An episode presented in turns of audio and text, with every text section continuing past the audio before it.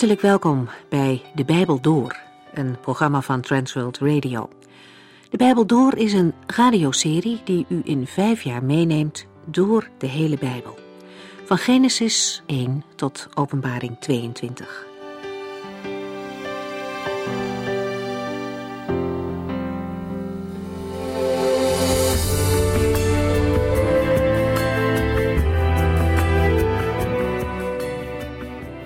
We behandelen in deze serie het Bijbelboek Jozua. In hoofdstuk 8 zijn de Israëlieten bij de bergen Ebal en Gerizim gekomen. Jozua bouwt een altaar voor de Here op Ebal. Zijn verantwoordelijkheid om het volk te leiden en het land in te nemen weerhoudt hem er niet van om tijd voor de dienst aan God te maken. Te midden van alle vijanden en van alle gevaren stelt het hele volk zich op aan weerskanten van de ark. En dan leest Jozua hen alles voor uit de wet van Mozes, zodat iedereen, jong en oud, weet hoe de Heere gediend wil worden. Hij houdt hen opnieuw de zegen en de vloek voor. In Jozua 9 wordt de list van de Gibeonieten beschreven. Jozua had met zeer uiteenlopende vijanden te maken. De volken uit Canaan besloten samen te werken tegen Israël. En Gibeon probeerde met een list zichzelf te redden. Herkenbaar, want zo zijn er ook in het leven van een christen verschillende vijanden, die eigenlijk alleen maar op één doel uit zijn, namelijk de ondergang van het geloof.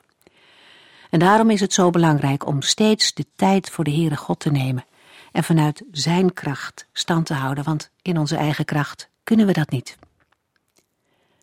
Jozua en het volk trapten in de list van de Gibeonieten. Ze sloten een vredesverdrag. Het is opvallend dat in deze gebeurtenis niet vermeld wordt dat Jozua de Heere om raad vroeg. Zoals Jozua en de leiders van Israël op hun hoede hadden moeten zijn voor de slinkse streken van de Gibeonieten, zo moeten gelovigen vandaag ook op hun hoede zijn voor de slinkse streken van de duivel. Gebed en lezen in het woord van God maken ons sterk om in de overwinning van Christus te staan. Jozua houdt zich aan zijn eed en spaart de Gibeonieten. Hij komt ze zelf te hulp als ze door andere volken weer aangevallen worden en behaalt een grote overwinning. De Heerde zegent de beslissing van Jozua om zich aan zijn gedane belofte te houden. Want een gegeven woord weegt heel zwaar voor God. Hij zal zelf immers ook altijd zijn belofte nakomen. Jozua 10. Daar gaat het verder.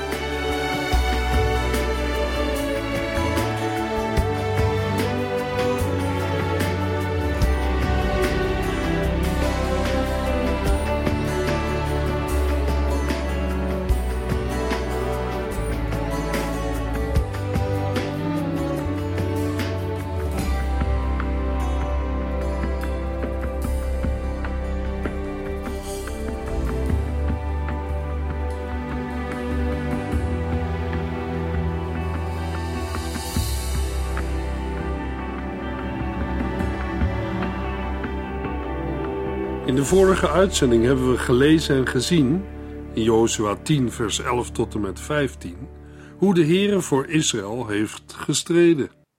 Het wonder met de hagelstenen en de zon en de maan die een hele dag bleven stilstaan aan de hemel, hebben indruk gemaakt. De Heere heeft Jozua en Israël de overwinning gegeven. In Jozua 10 vers 16 wordt de draad van vers 10 weer opgepakt. De Amorieten lijden een nederlaag, slaan op de vlucht en de Israëlieten achtervolgen hen. Ook de vijf koningen vluchten en verbergen zich in een spelonk of grot bij Makkeda. Jozua 10 vers 15 tot en met 19. Daarna ging Jozua en het Israëlitische leger terug naar Gilgal. De vijf koningen waren gevlucht en hielden zich schuil in een grot bij Makkeda. Toen aan Jozua werd gemeld dat ze waren gevonden, beval hij die grot met grote stenen af te sluiten en er een gewapende wacht bij te zetten. De rest van het leger kreeg van Jozua het bevel de vijand te achtervolgen en hen van achteren aan te vallen en neer te slaan. Zorg ervoor dat zij niet naar hun steden kunnen terugkeren, want de Heere zal u helpen hen volledig te vernietigen, zei hij. De achtervolgers ontdekken waar de koningen zich hebben verborgen en meldde het aan Jozua. Maar de Israëlieten mogen zich niet laten ophouden door de ontdekking van de gevluchte koningen. Zij moeten eerst de vluchtende soldaten achtervolgen en de achterhoede vernietigen. De vijand mag zich niet in de eigen steden in veiligheid brengen. Ter bemoediging voert Jozua aan dat de Heere de vijanden in de macht van Israël geeft. De Amalekieten hadden de achterhoede van de Israëlieten aangevallen en worden nu daarvoor gestraft. Deuteronomium 25, vers 18. De achtervolging gebeurt in een openlijk gevecht. Daarbij geeft de Heere de vijanden in de macht van de Israëlieten. In Jozua 10, vers 8 had de Heere immers tegen Jozua gezegd: Wees niet bang voor hen, want ik heb hen al aan u overgegeven om hen te vernietigen. Niet één van hen zal het tegen u kunnen opnemen. Jozua 10, vers 20 en 21. Jozua en het Israëlitische leger hervatten de veldslag en vernietigden de vijf legers. Slechts een klein aantal vijanden wist zich in veiligheid te brengen binnen de versterkte steden. Zonder ook maar één man te hebben verloren, keerden de Israëlieten daarna terug naar hun kamp bij Makkeda. Vanaf dat moment dacht niemand er meer over het volk Israël te bedreigen. Luisteraar, mogelijk herinnert u zich nog dat deze volken ruim 400 jaar hebben gekregen om tot inkeer te komen en zich tot de Here te bekeren. Daarnaast had de Heere ook gezegd dat hij het land aan Israël zou geven en dat iedereen die zich tot hem zou bekeren ook zou worden gered. Israël moest ruim 400 jaar uit het land wegblijven, totdat de maat van de ongerechtigheden, lees zonden, van de Amorieten vol was geworden. Wat een ongekende genadetijd van de Heere. Maar de genadetijd was nu voorbij en de maat van de ongerechtigheden was vol. Niets kon de toorn van de Heere meer tegenhouden. En Israël moest zijn oordeel uitvoeren en die tijd was nu gekomen. De Heere bracht het volk Israël niet alleen om hun eigen zaak door de Rietzee, maar ook om zichzelf en zijn machtige daden te tonen. Er is geen andere God dan alleen Hij. De Heere toonde het met het bloed dat de Israëlieten op de deurposten moesten smeren om de doodsengel voorbij te laten gaan. Het was niet alleen om de Egyptenaren te overtuigen dat de Heere de enige ware God was, te midden van de afgoden van Egypte. Het was ook om de inwoners van het land Canaan te laten zien dat de mens niet ongestraft kan zondigen en doen waar hij of zij zelf zin in heeft. Als de maat van de zonde vol is, is de genadetijd van de Heere voorbij en volgt zijn oordeel. In Jozua 2 vers 10 zegt Ragab: We hebben gehoord hoe de Heere voor u een pad door de Rietzee maakte na uw vertrek uit Egypte. De grote daden van God hadden Ragab overtuigd dat er maar één echte God was, en dat was de God van Israël. Maar de inwoners van het beloofde land hadden de genade van de Heere verworpen.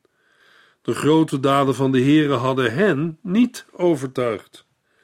Toen kwam na ruim 400 jaar genadetijd het oordeel van de Heer over hen. Luisteraar, die boodschap is vandaag niet veranderd. God heeft de wereld, zijn schepping, lief. Johannes 3, vers 16.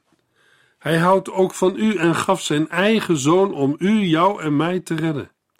Als u in hem gelooft, zult u niet worden veroordeeld en verworpen, maar eeuwig leven ontvangen. Wie zijn vertrouwen op Jezus stelt, wordt niet veroordeeld. Maar wie niet gelooft, is al veroordeeld omdat hij geen vertrouwen heeft gehad in de naam van Gods enige zoon. Johannes 3, vers 18. Door niet in hem te geloven, heeft u zichzelf veroordeeld. Daar bent u zelf verantwoordelijk voor. Dat is wat er met de niet in het beloofde land is gebeurd. En dit alles over hen is gekomen. Zij wilden niet in de Heere geloven. Bij het lezen en overdenken van de schokkende verslagen van Gods oordeel zullen we deze dingen in ons achterhoofd moeten houden. Het is vreselijk om te vallen in de handen van de levende God. Het is beter om u over te geven aan zijn liefde en genade in Jezus Christus. Daarom Laat u behouden uit dit verkeerde geslacht. Dat is de roep en uitnodiging van het woord van God. Jozua 10, vers 22 tot en met 25. Jozua gaf zijn mannen hierna de opdracht de steen voor de ingang van de grot weg te halen.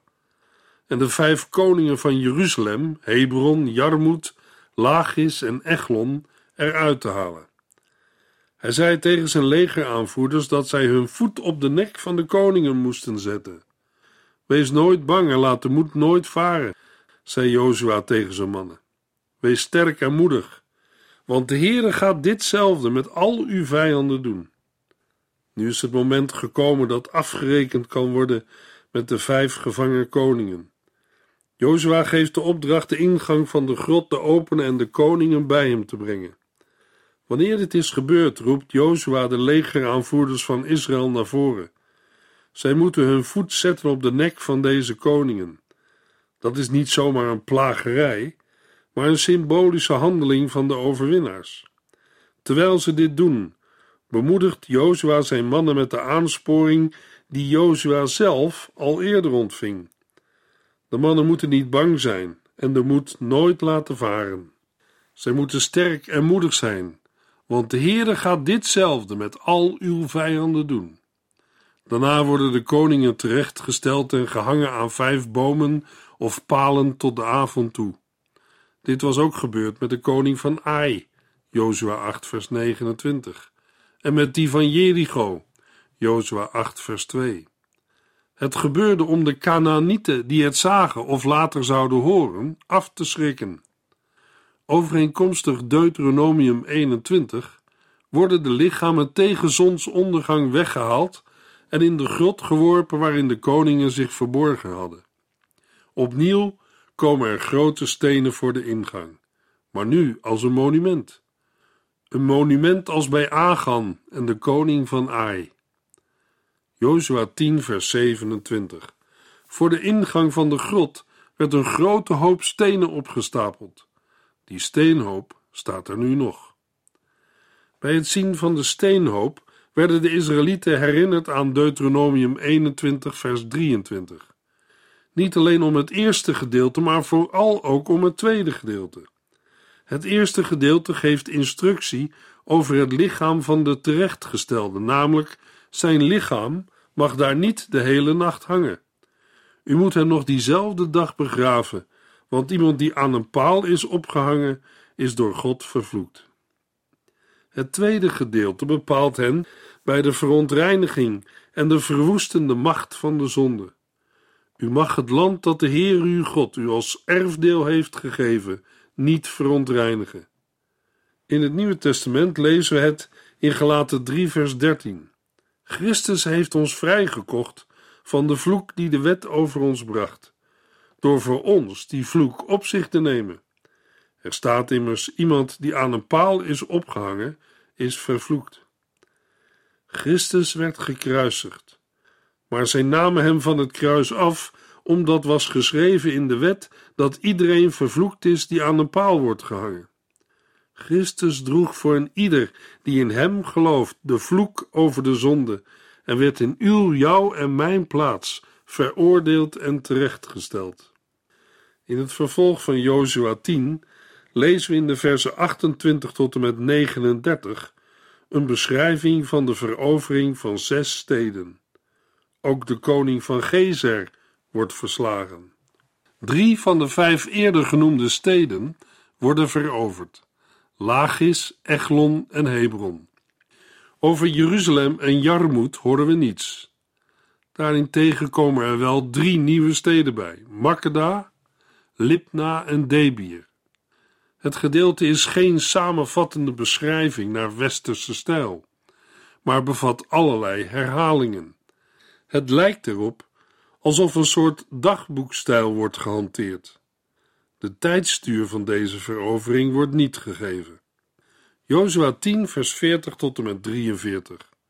Zo onderwerpt Jozua met zijn leger het hele land: het bergland, de Negev, de laagvlakte en de uitlopers van het gebergte met al hun vorsten. Ze doden iedereen in het land, precies zoals de Heere, de God van Israël, had opgedragen. Joshua behaalde overwinningen van Kades Barnea tot Gaza en van Gozen tot Gibeon. Alles werd in één veldtocht veroverd, omdat de Heere, de God van Israël, voor zijn volk streed. Na afloop keerde Jozua en zijn leger terug naar hun kamp bij Gilgal. Deze samenvatting is ook een aanduiding dat er meer militaire activiteiten waren dan in de voorafgaande versen zijn genoemd. Dat wat is opgeschreven is niet volledig, maar geeft een opsomming die moet leiden tot verwondering over Gods grote daden. Vermoedelijk zijn Jeruzalem en Jarmoed, genoemd in vers 3, niet veroverd. Dat wordt duidelijk uit andere gedeelten van het Bijbelboek Jozua. Jozua 11, 13 en 15.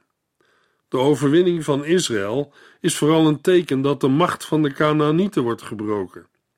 De veroverde steden worden niet bezet gehouden, want Israël keert terug naar de legerplaats in Gilgal. Het geeft de Canaanieten de gelegenheid de steden weer op te bouwen en te bevolken. Tegen Hebron en Debir moet Israël later weer optreden, Jozua 15. Jozua 11 geeft aan hoe de noordelijke koningen reageren.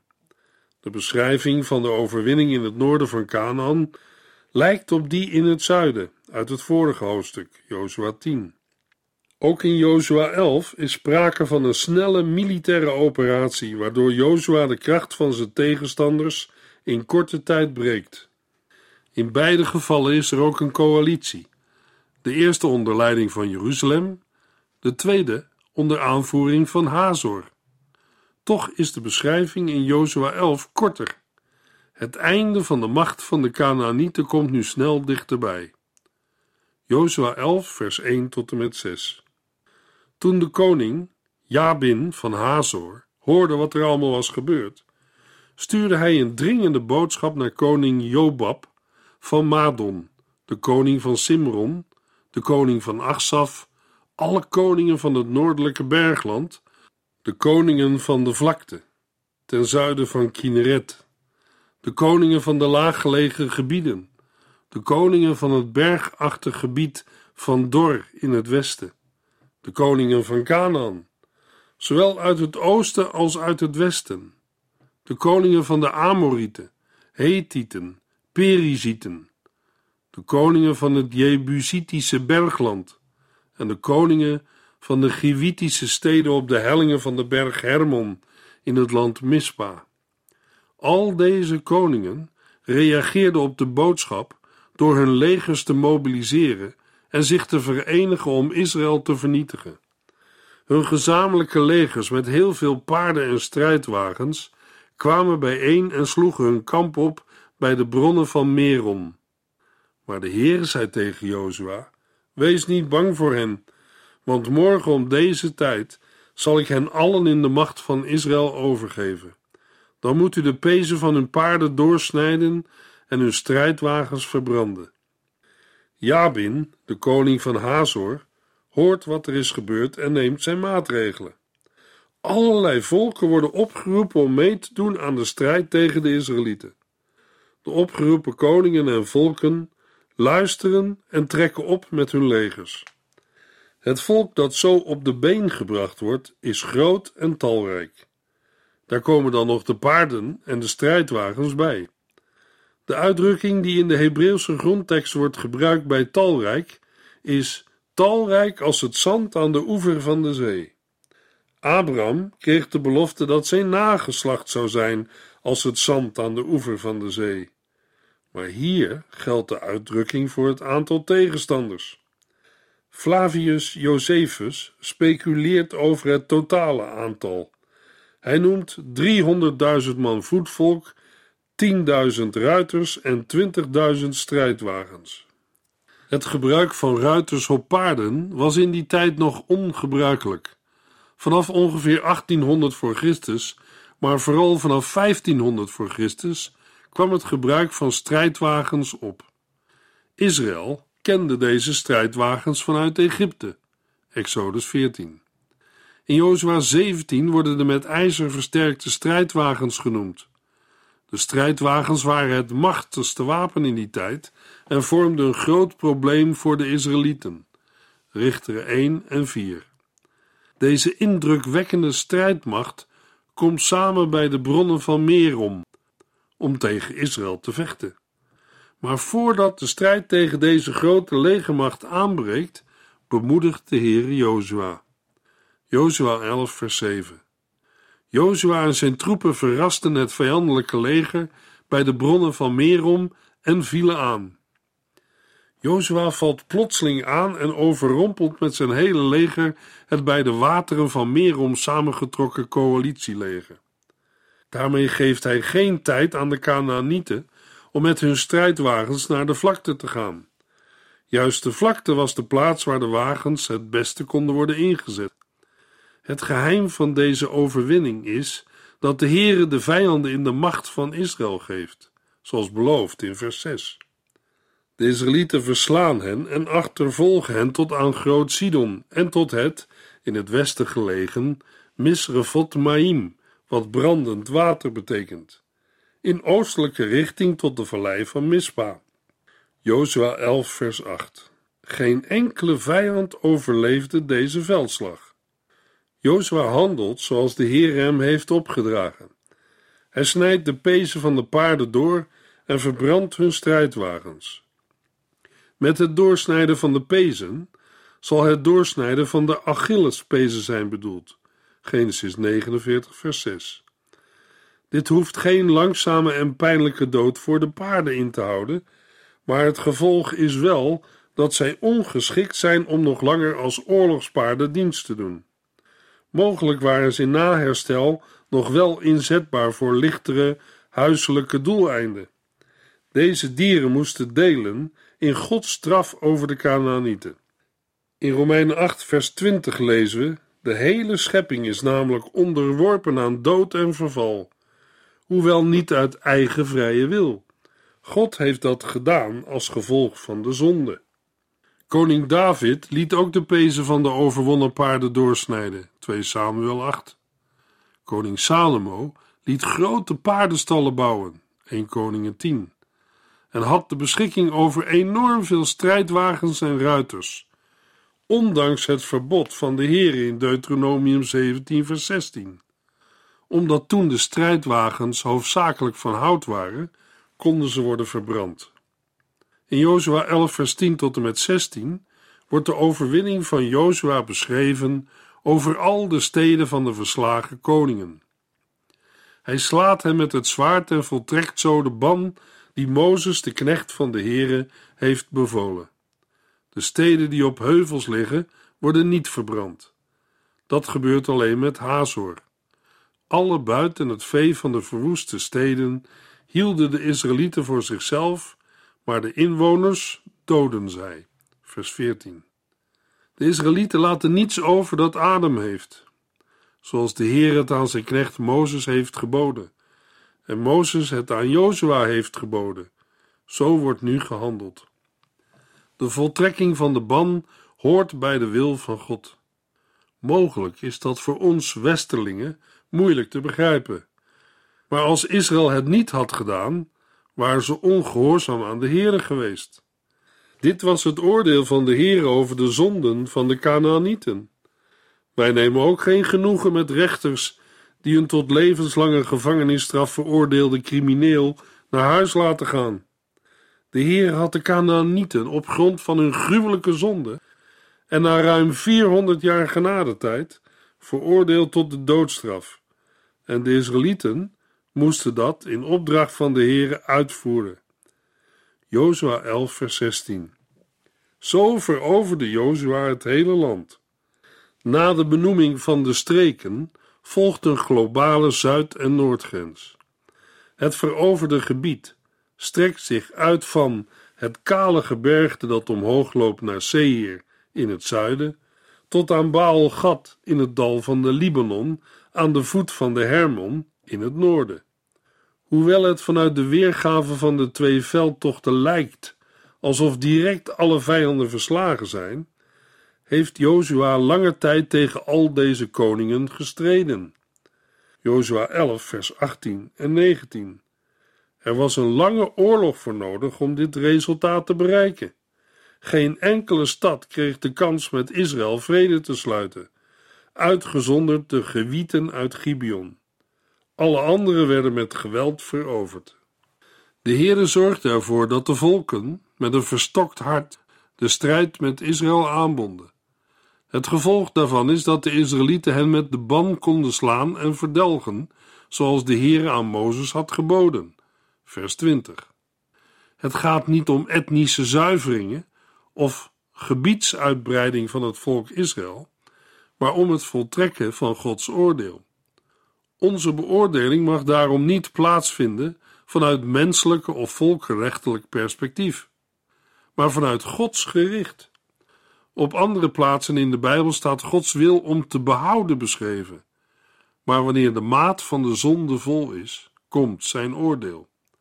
Het is ook in onze tijd van groot belang de stem van de Heere te horen en ons niet te verharden. Hebreeën 3 en 4. Want Christus komt terug om te oordelen de levenden en de doden. Hij voltrekt dan een soort gelijk oordeel als de Israëlieten over de Canaanieten. Openbaring 19 en 20. In de versen 21 tot en met 23 komen ook de Enakieten ter sprake. Het bericht van de overwinning over dit volk vormt een passend slot van Jozua 11, omdat deze reuzen vroeger zoveel angst inboezemden. Er bleven geen Enakieten over in het land van de Israëlieten, behalve in een paar steden aan de kust. Vers 22. Zo veroverde Jozua het hele land in overeenstemming met alles wat de Heere tot Mozes gesproken had. Op grond hiervan is het mogelijk het land aan Israël als bezit te geven volgens hun indeling in stammen. Na de vele oorlogen kan het land nu rusten van de strijd. Zo vat Jozua 11 vers 23 het hele Bijbelboek samen. De brief aan de Hebreeën vermeldt dat Jozua het volk in de rust bracht en verwijst daarbij naar een andere rust, de Sabbatsrust, voor het volk van God. Hebreeën 4 vers 8 en 9. In de volgende uitzending lezen we Jozua 12 tot en met 14.